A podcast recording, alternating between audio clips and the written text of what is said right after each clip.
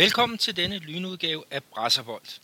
Det er her, hvor vi pludselig popper op og fortæller om det nyeste nye i Brasilien. Fodbolden i det store land bulrer af efter små 130 dages coronaophold, og der er tryk på kedlerne. Brasilien er i forvejen kendt for sin sindssyge kampkalender, og når man så hiver fire måneder ud og vælger ikke at reducere i antal kampe, så bliver det en fodbolduge hernede mere hektisk end en lørdag eftermiddag i IKEA. Mit navn er Peter Arnholdt, og det som vi lagde ud med, var Brasiliens superkommentator Galvão Bueno, der skriger de berømte ord ud, Epenta, altså Brasilien er femdobbelte verdensmester. Den femte triumf kom i hus den 30. juni 2002, efter en finalesejr på 2-0 over Tyskland på to mål af Ronaldo og Fenomeno.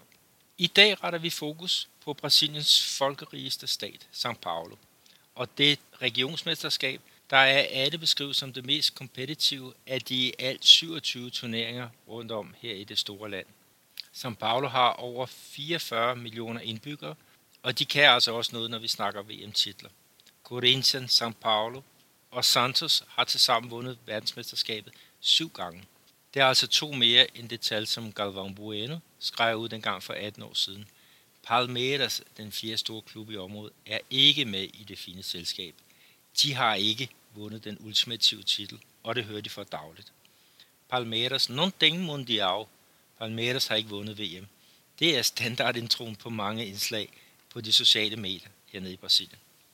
Corinthians er den klub, som noterer sig for den seneste brasilianske VM-triumf. Det var den 16. december 2012, hvor Corinthians besejrede Chelsea med 1-0 i finalen. Det skete med over 30.000 Corinthians på plads, til trods for at kampen fandt sted i Yokohama.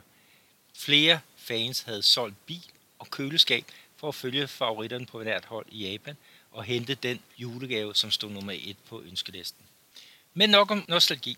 Nu skruer vi tiden frem til 2020 og spillet om delstatsmesterskabet i São Paulo. Onsdag og torsdag i denne uge spillede man kvartfinaler i det, som vi hernede kalder for Campeonato Paulista. Og vi havde alle storklubberne i aktion. Corinthians, Palmeiras, São Paulo og Santos var som en fordelt i hver sin kvartfinalekamp. Men det betød nu ikke, at vi fik alle fire giganter videre til semifinalerne. To klare skærende, to fejlede felt. Lad os starte med dem, der levede op til forventningerne. Palmeiras, klubben med de italienske aner, var aktion om onsdagen, og det var op mod Santo André fra landets fjerde bedste række. Det endte med en sejr til favoritterne på 2-0, men de grønne grise, ja, Palmeiras har en gris som maskot, de måtte svede godt for at få resultatet i hus. Felipe Melo blev dagens mand i skysovs, da han med bare tre minutter igen hittede Palmeiras foran efter et hjørnespark af Gustavo Scarpa. Og som Melo mestre, så fik han lige tiltusket sig en advarsel i forbindelse med en alt for provokerende målfejring. Det blev så dobbelt op i overtiden, da den meget, meget offensive højre bak Marcos Rocha fulgte op på en retur for Santo Andres ellers udmærket målmand Ivan og sørgede dermed for målet til 2-0. Palmeiras' træner Vanderlei Luxemburgo var selvfølgelig glad for sejren mod det, som han betegnede som en meget svær modstander. Spillerne fra Santo André kan nu gå på en velfortjent ferie. De skulle have spillet CD i resten af året, men klubben har lige trukket stikket. Økonomien har ikke kunne hænge sammen under pandemien, og klubben mistede halvdelen af de 26 spillere, som var indskrevet til disse mesterskaber. Læg dertil, at Santo André for tiden er uden hjemmebane. Klubbens stadion er disse dage omdannet til et felthospital, så man kan behandle patienter ramt af det smittende virus. Corinthians, verdensmesterne fra 2012, var det andet af The Big Four, som klarede skæren. Lidt sjovt med tanke på, at de var millimeter fra at rydde ud efter gruppespillet, og de var oppe mod den sværeste modstander, nemlig Red Bull Bragantino, som var det bedste hold i gruppefasen, og som sidste år rykkede op i landets bedste række efter en suveræn indsats i Serie B. Otimon, det store hold, var klar fra start, og modsat Palmeiras, som skulle vente længe på sit første mål, så slog den unge midtbanespiller Ederson til efter bare 30 sekunder spil, og det var efter et langskud, hvor Bragantinos keeper Julio Cesar ikke så alt for vaks ud. Efter pausen var det som en, en gammel kending, nemlig Lange Jo, der hættede et hjørnespark fra Luang ind i målet i det, der var hans comeback-kamp.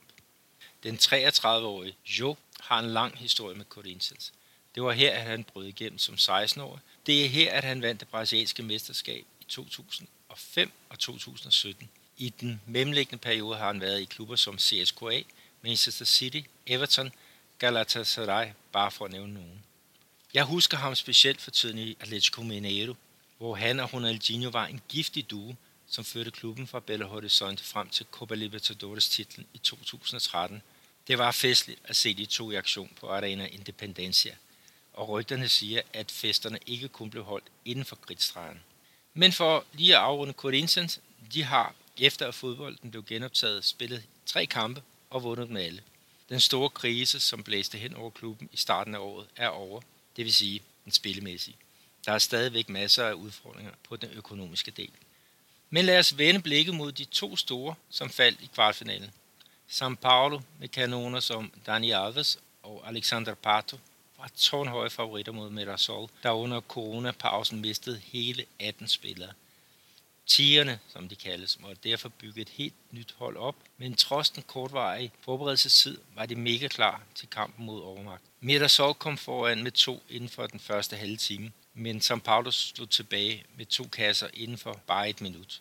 Målene satte ind af holdets topscorer Pablo samt Victor Bueno. Med 2-2 ved pausen var der lagt op til, at favoritterne ville sætte det hele på plads i anden halvleg. Og selvom det brændte på foran gæsternes mål, så kunne São Paulo bare ikke få bolden det sidste stykke ind over stregen. I stedet for var det The Underdogs, som slog knockout med blot 10 minutter igen. Målmanden Volpi clearede et indlæg, men bolden røg ud til Daniel Borges, som først med bolden i mål. 3-2 til Mirasol. Det blev også kampens resultat.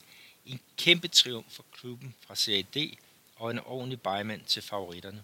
São Paulo har ikke vundet en titel siden 2012, og de får på hattepulen af alle. Og Andreas Knudsen, min gode marker her på Bratsvold, han sendte mig faktisk en artikel, som kigger tilbage og lister 26 exits op i disse knockout-fase, og det er altså siden 2011. Klublegenden, superdribleren og VM-vinderen fra 2002, det er Nielsen, var i programmet Jogo Alberto, hvor han måtte lægge øre til musikken Jordanon, bébé, Jordanon, altså græd ikke baby, græd ikke. Og han havde svært ved at finde en grimasse, der kunne passe. Som han sagde, jeg ved ikke, hvad jeg skal sige, fordi det vil nok koste for mange venskaber. São Paulos træner, Fernando Diniz, bliver af mange kaldt for Brasiliens fodboldfremtid for hans offensiv tilgang til spillet, men resultaterne har indtil videre udeblevet hver gang han har fået chancen i en stor klub. Vi må se, om St. Paulos træner Fernando Diniz han overlever denne katastrofe. Det skal så siges, at han har godt styr på baglandet, og Daniel Alves, han er en af dem, som blandt andet anbefalede, at man hentede Diniz til at styre tropperne i den stolte klub. En anden, som sikkert må lægge øre til Choranon BB, han sidder oppe i Norge. Han hedder André Øskov og er Europas største Santos-fan. Han sad op i nat for at følge sin helte, og det fortryder han nok i dag. Fiskene, som er Santos' kælenavn, de var op mod Ponte Preta og var ellers på ret kø mod klubben fra Serie B. Marinho bragte sit hold foran i første halvleg, men den selv samme målscore dummede sig kort før pausen, da han fik sit andet gule kort. Det blev dyrt. Især da målmanden Vladimir havde en mindre god dag. Santos' ankermand havde i hvert fald en aktie i de to af målene, da Ponte Preta med en mand i overtal fik vendt kampen til sejr på 3-1. I en ordentlig nedtur for klubben, der havde Tailsen på bænken i alle 90 minutter. Det er netop Tailsen, som de danske mestre fra FC Midtjylland skulle have i kikkerten, hvis man skal tro på, på rygterne. Men summa summarum, mesterskabsspillet om titlen i São Paulo, der har vi nu fire hold tilbage, og to af de store er slået ud. Semifinalerne hedder Palmeiras mod Ponte Preta og Corinthians mod Mirassol. De spilles på søndag, og resultaterne af de kampe får du, når vi næste gang tænder op for en større omgang podcast om brasiliansk fodbold. Den her udsendelse, den er lavet i samarbejde med Guaraná Antarctica, og for ligesom at få en god afrunding på den her, og måske også en passende afrunding for øh, to af klubberne, så lad os øh, slutte af med musikken Choranão BB med Pablo. Ha' en forrygende weekend.